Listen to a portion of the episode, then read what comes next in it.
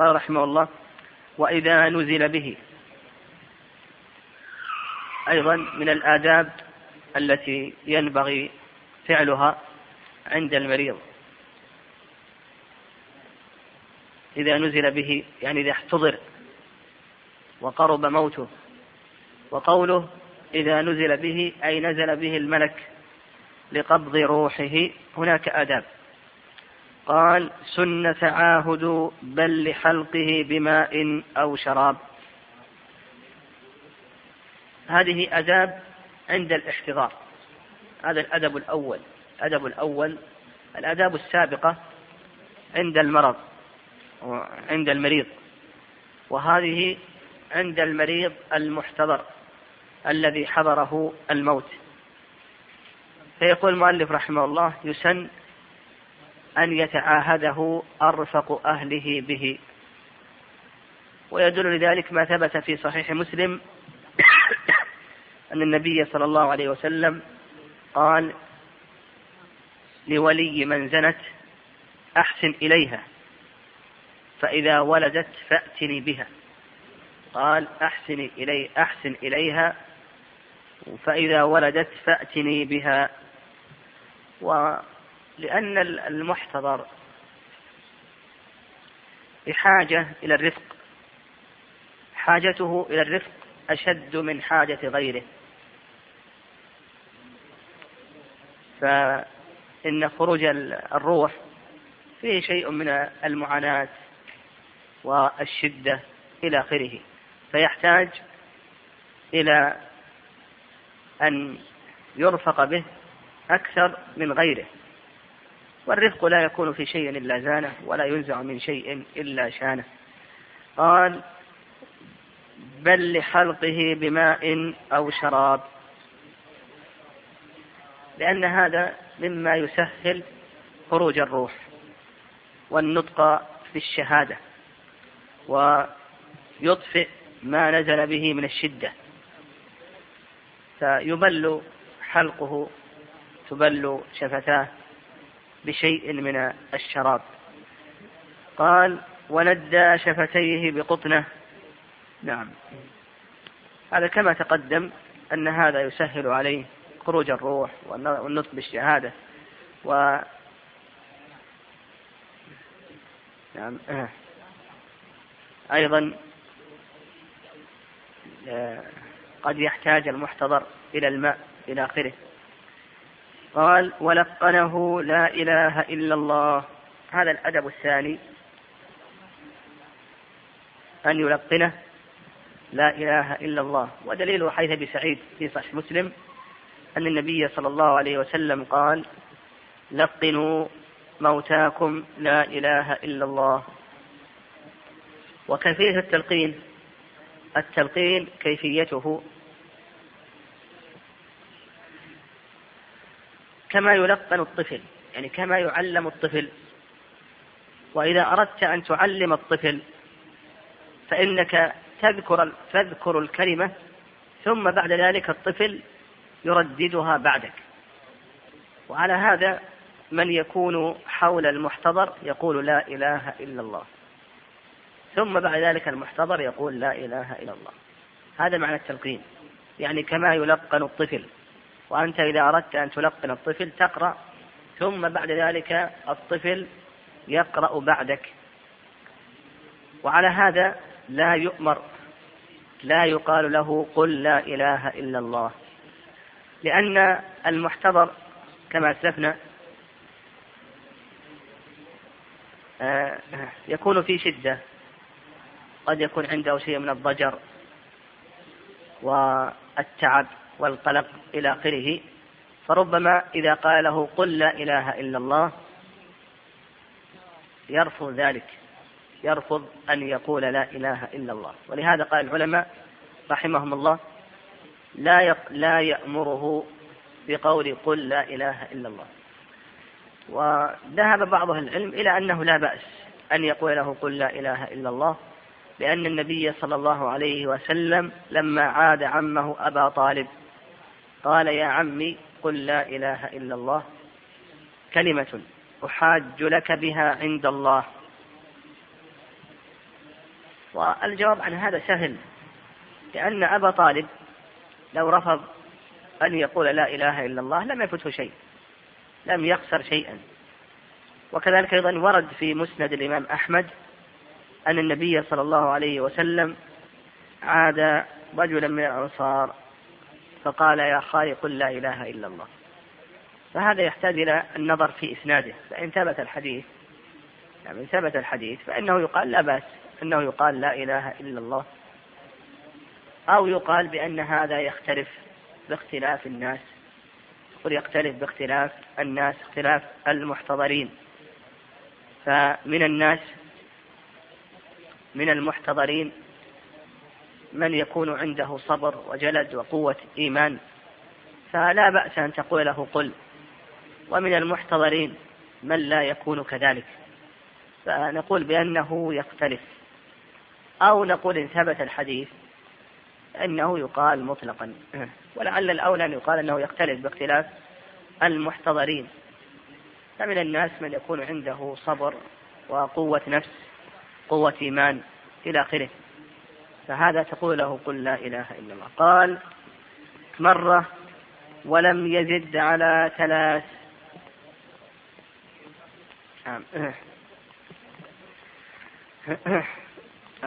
لم يزد على ثلاث.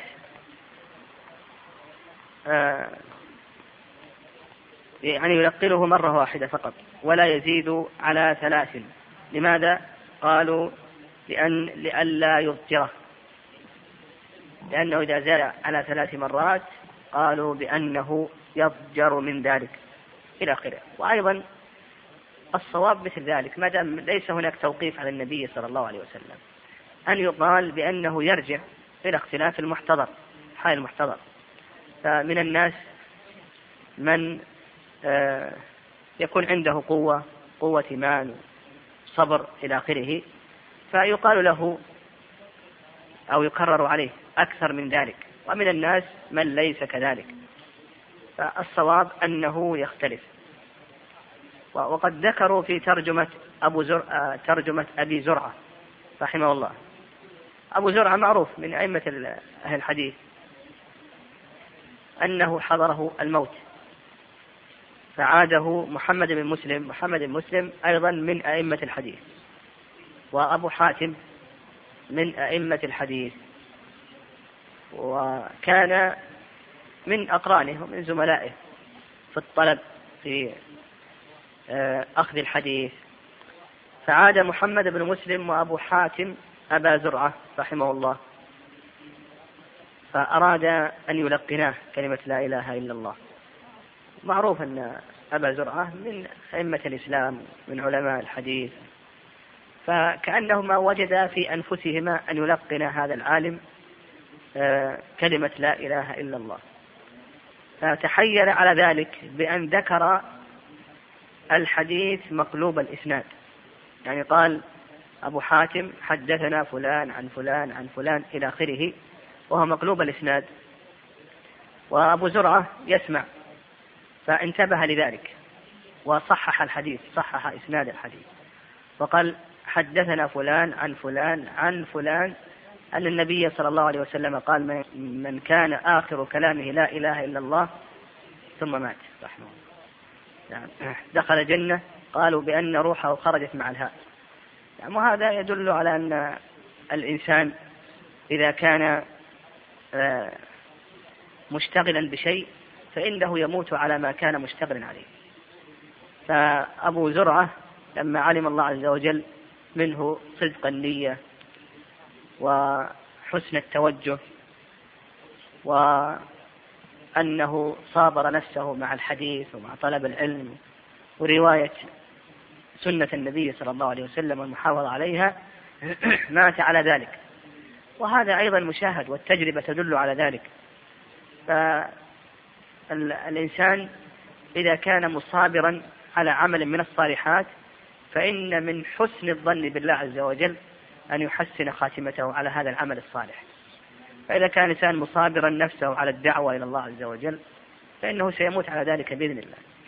وإن كان مصابرا نفسه على طلب العلم والتعليم إلى آخره فإنه يموت على ذلك. وإن كان مصابرا على الفسق يموت على ذلك إلا أن من الله عز وجل عليه بالتوبة والرجوع والإنابة. وهكذا. وهذا هو حسن الظن بالله عز وجل. فلا يظن بالإنسان إذا كان راجعا إلى الله عز وجل أن الله عز وجل يخذله ويتركه. يعني هذا لا يظن بالله عز وجل. نعم.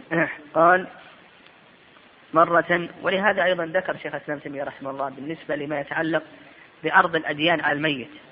هل الميت تعرض عليه الأديان أو لا تعرض عليه الأديان؟ يقول شيخ الإسلام بأن هذا يختلف باختلاف الناس. ليس كل أحد تعرض عليه الأديان. قال ولم يزد على ثلاث إلا أن يتكلم بعده فيعيد تلقينه. نعم. يعني لو أن لو أنه تكلم قال لا إله إلا الله وتكلم ثم بعد ذلك آه نعم فإنه يشرع أن يلقنه لكي يكون آخر كلامه لا إله إلا الله.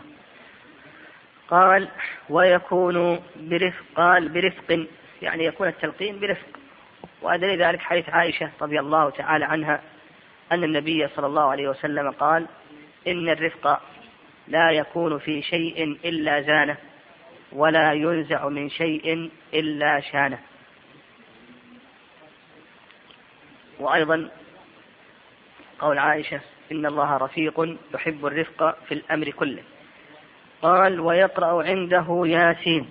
هذا الأدب الرابع عند المحتضر يقرأ عنده سورة ياسين. وهذا دليله ما يروى عن النبي صلى الله عليه وسلم أنه قال اقرأوا على موتاكم سورة ياسين. حيث معقل بن يسار. وهذا حديث أخرجه أبو داود وكذلك أيضا ابن ماجه والإمام أحمد والطيالسي وغيرهم وهو لا يثبت عن النبي صلى الله عليه وسلم. وعلى هذا إذا لم يثبت عن النبي عليه الصلاة والسلام فإنه لا يشرع. قل لا يشرع لأن العبادات توقيفية.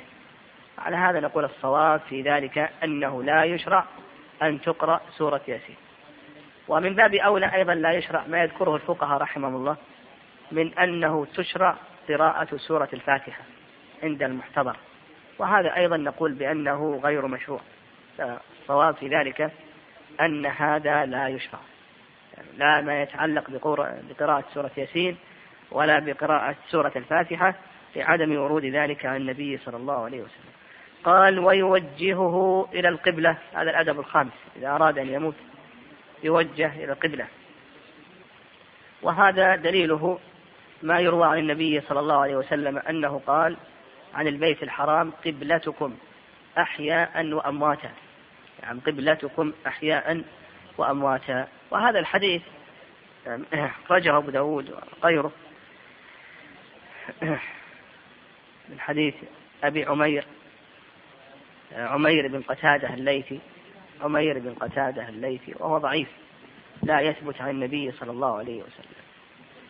وأيضا ما يروى في سنن البيهقي وغيره أن البراء بن معرور أوصى أن يصرف إلى القبلة عند موته. أيضا هذا ضعيف. وكذلك أيضا في مصنف ابن أبي شيبة. يعني في مصنف ابن أبي شيبة. أن عمر رضي الله تعالى عنه قال إذا حضرت الوفاة فاصرفني. يعني في مصنف ابن أبي شيبة أن عمر رضي الله تعالى عنه قال إذا حضرت الوفاة فاصرفني. يعني اصرفني إلى القبلة. فهذا إن ثبت عن عمر رضي الله تعالى عنه فالأمر في ذلك ظاهر وأنه يستحب توجيه الميت إلى القبلة. وإن لم يثبت عن عمر رضي الله تعالى عنه إن لم يثبت هذا عن عمر فإنه يستدل لذلك بأن الميت كما سيأتي إن شاء الله يأتينا إن شاء الله أن الميت في قبره يوجه إلى القبلة. وعلى هذا عمل المسلمين. على هذا عمل المسلمين. وبالنسبة لهذا الأثر أثر عمر في المجلد الثالث من أبي شيبة نحتاج إلى أحد الإخوان يراجع الإسناد. من يراجع لنا إسناد ال... ها؟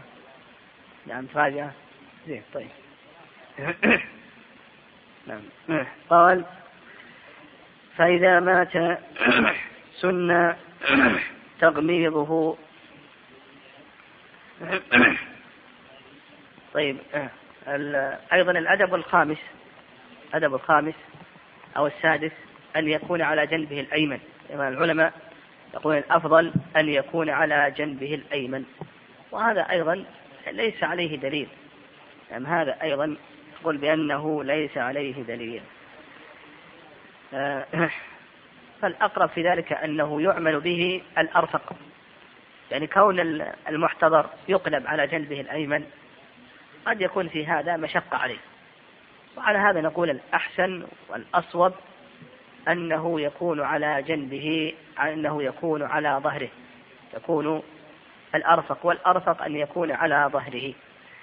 قال فإذا مات. هذه الآن الآداب بعد الموت. ذكر المؤلف رحمه الله آدابا عند زيارة المريض وعيادته ثم بعد ذلك آدابا عند حضور المحتضر ثم بعد ذلك بعد الموت هناك آداب. قال فإذا مات سن تقميض عينيه لأن البصر يشخص تابعا للروح كما أخبر النبي صلى الله عليه وسلم فيكون بصره شاخصا. فالسنة أن تغمض عيناه. لأن النبي صلى الله عليه وسلم أغمض أبا سلمة وقال إن الملائكة يؤمنون على ما تقولون. وهذا رجع مسلم. وهل يشرع أن يقول بسم الله وعلى وفاة رسول الله كما ذكر الفقهاء رحمه الله؟ نقول هذا ليس عليه دليل وإنما ورد عن أبي بكر نعم ورد عن أبي بكر بن عبد الله المزني وهو تابعي. قال وشد لحييه. يعني شد لحييه. أيضا تشد لحياه مع رأسه بخرقة. هذا الأدب الثاني. إذا مات فإنه يشد يشد لحياه. يعني تربط اللحيان مع الرأس. تربط اللحيان مع الرأس. ودليل ذلك قالوا بأنه ورد عن عمر رضي الله تعالى عنه أنه قال لابنه إذا رأيت روحي قد بلغت لهاتي فضع يدك اليمنى على جبهتي واليسرى تحت ذقني وأيضا قالوا بأن هذا بأن شد اللحيين آه، فيه فائدة وهي ألا ألا تكون صورته مشوهة لأن الإنسان إذا كان فمه مفتوحا يكون في هذا شيء من التشويه له. وأيضا عند غسل عند غسله قد يدخله شيء من الماء. وإذا دخل إلى جوفه شيء من الماء فإن الميت لا يستمسك لا لا تستمسك أعصابه. يخرج هذا الماء مباشرة. ففي هذا فيه فائدة. ألا يدخله شيء من الماء وألا ينفتح فمه فيكون فيه شيء من التشويه. قال وتليين مفاصله. وأيضا نعم أيضا هذا الأدب السادس تليين المفاصل. كم؟ الثالث؟ طيب الأدب الثالث تليين المفاصل. وتليين المفاصل أن ترد الساقان إلى الفخذين. ترد الساقان إلى الفخذين. وترد الذراع الذراعان إلى العضدين. والعلة في ذلك أن أن هذا يكون أسهل في تغسيله. يعني يكون أسهل في تغسيله. فيرد ساقي ساقيه إلى عضديه وإلى فخذيه وفخذيه إلى بطنه وكذلك أيضا يرد ذراعيه إلى عضديه. يعني إلى عضديه. قال والعلة في ذلك العلة في ذلك أنه إذا رد مثل هذه الأشياء يكون أسهل في تغسيله لأنه إذا لم يردها يكون ذلك سببا لقسوتها. قال وخلع ثيابه. هذا الأدب الرابع أن تقلع ثيابه. ويدل لذلك حديث عائشة رضي الله تعالى عنها أن النبي صلى الله عليه وسلم لما مات اختلفوا هل نجرده كما نجرد موتانا؟ هل نجرده كما نجرد موتانا؟ وهذا أخرجه الإمام أحمد وأبو داود وابن ماجه صححه الحاكم. الحاكم صححه. وأيضا مما يستدل لهذا أن جسمه يحمى عليه. إذا لم تقلع الثياب ويجرد منها فإن جسمه يحمى عليه. فينبغي أن يجرد من ثيابه. وأيضا تجديده من الثياب أيضا يحتاج إليه في الغسل لأن السنة أن يبادر بتجهيزه. قال وستره بثوب. هذا الأدب الخامس. ستره بثوب. بعد أن يجرد يستر بثوب. ويدل لذلك حديث عائشة رضي الله تعالى عنها أن النبي صلى الله عليه وسلم حين توفي سجي ببرد حبرة. أن النبي عليه الصلاة والسلام لما توفي سجي ببرد حجرة وهذا الصحيحين. وقد ذكر العلماء رحمهم الله أن الميت إذا مات يكون له عورتان عورة مخففة وعورة مغلظة. العورة المغلظة هي ما بين السرة إلى الركبة هذه عورة مغلظة. والعورة المخففة هي كل البدن يعني كل بدنه يكون عورة. ولهذا سيأتينا إن شاء الله في كيفية تغسيل الميت كيف نغسل الميت يأتينا أن المغسل لا يمسه إلا من وراء حائط. سائر البدن لا يمس بدنه إلا من وراء حائط. يعني يحضر قفازات للفرجين وقفازات لسائر البدن. نعم. قال وستره بثوب ووضع حديدة على بطنه. نعم. وضع حديدة على بطنه. هذا الأدب السادس أنه يوضع على بطنه حديدة. وقالوا العلة في ذلك العلة في ذلك أو الدليل على ذلك أنه ورد عن أنس رضي الله تعالى عنه أنه قال ضعوا على بطنه شيئا من الحديد لئلا ينتفق. ضعوا على بطنه شيئا من الحديد لئلا ينتفق. وهذا الأثر الوارد عن أنس رضي الله تعالى عنه لا يثبت. هذا لا يثبت عن, عن أنس رضي الله تعالى عنه. ولهذا قال ابن المنذر رحمه الله ليس في وضع الحديدة سنة مضت. قال ابن المنذر رحمه الله ليس في وضع سيف أو الحديد سنة مضت. وعلى هذا إذا لم يكن في ذلك سنة فإنه لا حاجة إلى وضع شيء من حديد أو حصى أو حجر ونحو ذلك. ولأن لأن لأنه لا حاجة لمثل هذه الأشياء. يقول لا حاجة لأن السنة أن يبادر بتجهيزه. هذا السنة. سنة أن يبادر بتجهيزه كما سيأتينا إن شاء الله. قال ووضعه على سرير غسله متوجها. هذا الأدب السابع. أنه يرفع عن الأرض ويوضع على سرير الغسل ويكون متوجها إلى القبلة. يعني رأسه إلى القبلة. والدليل على ذلك أن وضعه على سرير تغسيل هذا أبعد له عن الهوام عن هوام الأرض. وكذلك أيضا أبعد له من أن آه، يندى برطوبة الأرض. ولأن هذا أسرع أيضا أسرع في تغسيله. قال متوجها وقوله متوجها إلى القبلة لما تقدم من الدليل على أنه يستحب توجيهه عند الموت إلى القبلة. قال منحدرا نحو رجليه يعني يكون رأسه أعلى. رأسه أعلى من رجليه لأنه عند صب الماء آه، لا يترسب الماء. إذا كان منحدرا الماء لا يبقى وإنما ينزل مباشرة. وإسراع تجهيزه إن مات غير فجأة. هذا الأدب الثامن أنه يسرع بتجهيزه. وهذا هو السنة ودليل ذلك حيث عائشة حيث أبي هريرة رضي الله تعالى عنه أن النبي صلى الله عليه وسلم قال أسرعوا بالجنازة فإن تك صالحة فخير تقرب فإن تك صالحة فخير تقربونها إليه وإن تكن سوى ذلك فشر تضعونه عن رقابكم. يعني وهذا في الصحيحين. نقول السنة الإسراء إسراء تجهيزه وهنا قال المؤلف إن مات غير فجأة الفجأة هو الموت بغتة. يعني الفجأة هو الموت بغتة من غير تقدم سبب. فإذا مات بغتة من غير تقدم سبب يعني ليس هناك مرض أو أي سبب من الأسباب التي تؤدي إلى الوفاة مثل سقوط أو حادث أو نحو ذلك. فإذا مات فجأة ينتظر يعني ينتظر حتى يتيقن موته. قال يعني قال إن مات غير فجأة فإنه ينتظر إذا مات غير فجأة. وقد ذكر الفقهاء رحمهم الله علامات للموت.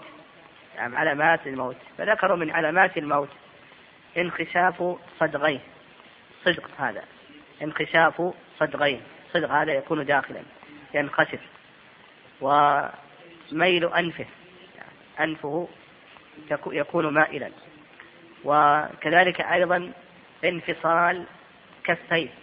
الكف هذه تنفصل كأنها تنفصل من العصب.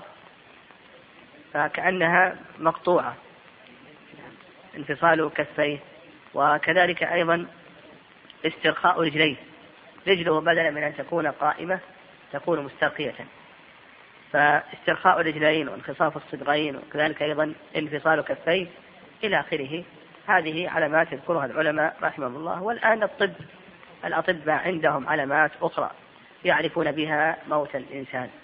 يعني بسبب ترقي الطب ووجود الآلات آه، المختلفة. هذه تدل أو تبين آه، الموت. وقوله إسراع تجهيزه هذا قلنا هذا هو السنة سنة أن يسرع تجهيزه.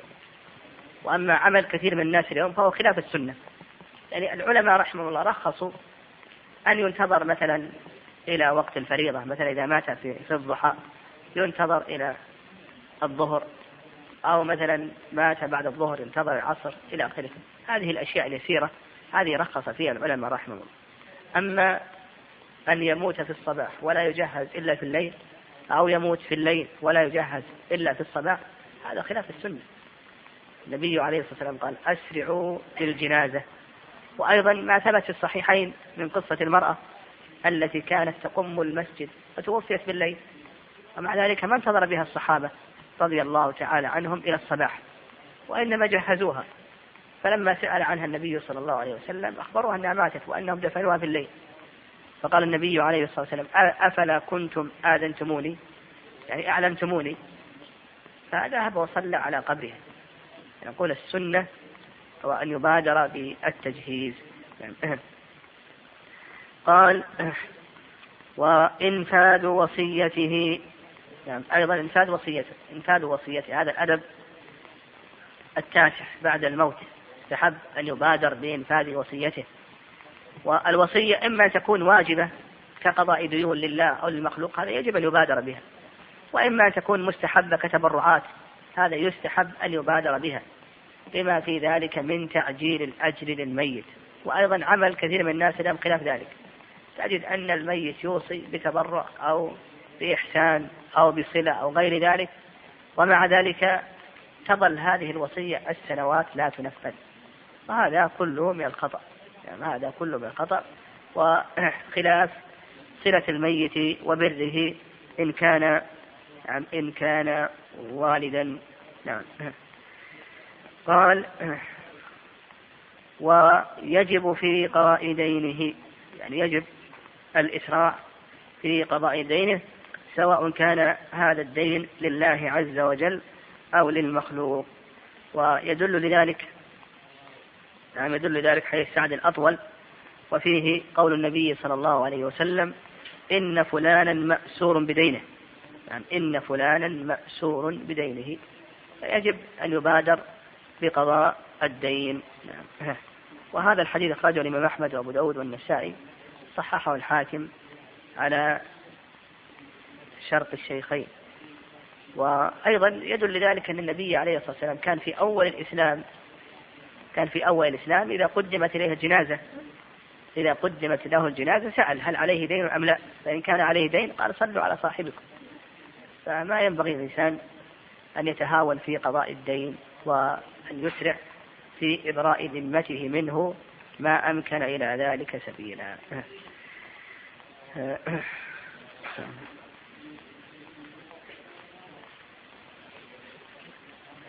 نقف على هذا. يعني نقف على تغسيل الميت. فصل هذا نقف عليه إن شاء الله بعد رمضان. مع بعد يعني مع بداية الدراسة بإذن الله عز وجل. ونسأل الله عز وجل أن يرزقنا الهدى والتقى والعفاف والغنى.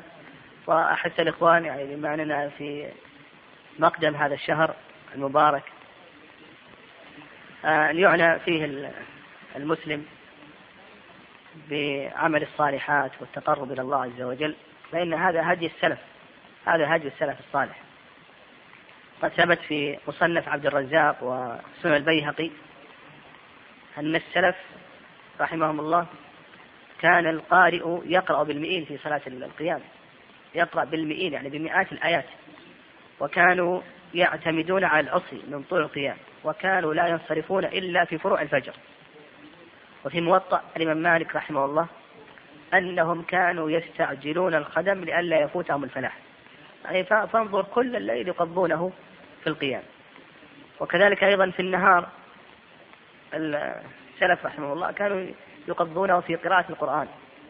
والذكر ولهذا الإمام مالك رحمه الله كان إذا دخل رمضان نفر من مجالسة أهل الحديث وكب على قراءة القرآن من المصحف. والزهري رحمه الله إذا دخل القرآن قال إنما هو إطعام للطعام وقراءة للقرآن. وعطى وعكرمة والإمام أحمد وغيرهم رحمهم الله كانوا يختمون القرآن كل سبعة أيام مرة. فإذا دخل عليهم شهر رمضان ختموه أكثر من ذلك.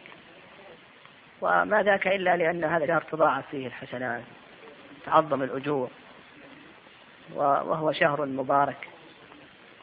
يعني يكفي من بركاته. ما ثبت في الصحيحين أن النبي صلى الله عليه وسلم قال من قام رمضان إيمانا واحتسابا غفر له ما تقدم من ذنبه ومن صام رمضان إيمانا واحتسابا غفر له ما تقدم من ذنبه. ومن قام ليلة القدر إيمانا واحتسابا غفر له ما تقدم من ذنبه وأيضا في الصحيحين أن النبي أن النبي عليه الصلاة والسلام قال من حديث أبي هريرة كل عمل أن الله عز وجل يقول كل عمل ابن آدم له إلا الصوم فإنه لي وأنا أجزي به. وبركاته كثيرة معلومة لكن ينبغي علينا أيها الأحبة أن نستغل هذا الشهر في العبادة. ولهذا النبي عليه الصلاة والسلام في العشر الأواخر يتفرغ يتفرغ لإطالة العبادة بالاعتكاف. السلف كانوا يلزمون المساجد ويقولون نحفظ صيامنا.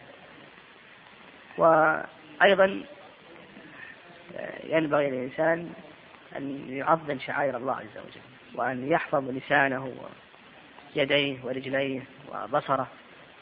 فإن تعظيم شعائر الله عز وجل من تعظيم الله عز وجل ومن تقوى الله عز وجل. ذلك ومن يعظم حرمات الله فهو خير له عند ربه. ومن يعظم شعائر الله فإنها من تقوى القلوب. فينبغي أن يعرف لأيام الله حقها ويعرف لها فضلها إلى آخره وإعظامها وإجلالها من إعظام الله عز وجل وإجلال الله عز وجل. أيضا قبل أن نبدأ ذكرنا من الآداب بالنسبة لرعاية المريض تذكيره التوبة والوصية إلى آخره. ومن الآداب أيضا الدعاء للمريض بما ورد عن النبي صلى الله عليه وسلم. من الآداب أن الإنسان إذا عاد المريض أن يدعو له بما ورد عن النبي عليه الصلاة والسلام. ومن ذلك حديث عائشة رضي الله تعالى عنها أن النبي صلى الله عليه وسلم كان إذا اشتكى ينفث على نفسه بالمعوذات حيث عائشة أن النبي عليه الصلاة والسلام كان إذا اشتكى يقرأ على نفسه بالمعوذات وينفث. فلما اشتد وجعه كنت أقرأ عليه. تقول فلما اشتد وجعه كنت أقرأ عليه وأمسح بيده رجاء بركتها. وهذا في الصحيحين. وكذلك أيضا مما ورد أيضا عائشة أن النبي عليه الصلاة والسلام حيث عائشة أن النبي عليه الصلاة والسلام كان يعود بعض أهله ويمسح بيده اليمنى ويقول اللهم رب الناس أذهب البأس. اللهم رب الناس أذهب البأس واشف أنت الشافي لا شفاء إلا شفاؤك شفاء لا يغادر سقما. حيث عائشة النبي عليه الصلاة والسلام كان يعود بعض أهله ويدعو يقول اللهم رب الناس أذهب البأس واشفه أنت الشافي لا شفاء إلا شفاؤك شفاء لا يغادر سقما. وهذا أيضا في الصحيحين. كذلك أيضا ما ورد في الصحيحين عنها. بسم الله تربة أرضنا بريقة بعضنا يشفى به مريضنا بإذن ربنا. بسم الله تربة أرضنا بريقة بعضنا يشفى به مريضنا بإذن ربنا. وهذا أيضا في الصحيحين. وأيضا جبريل عليه السلام كما في حديث أبي سعيد قال النبي عليه الصلاة والسلام اشتكيت يا محمد. فقال نعم. فقال بسم الله أرقيك من كل شيء يؤذيك. بسم الله أرقيك من كل شيء يؤذيك. لكل نفس أو عين حاسد بسم الله يرقيك يعني بسم الله يرقيك من كل شيء يؤذيك من شر كل نفس أو عين حاسد بسم الله أرقيك. وكذلك أيضا حيث ابن عباس أيضا إذا حضر المريض أسأل الله العظيم رب العرش العظيم أن يشفيك سبع مرات. أسأل الله العظيم رب العرش العظيم أن يشفيك سبع مرات. وهذا رجل الإمام أحمد رحمه الله أبو داود.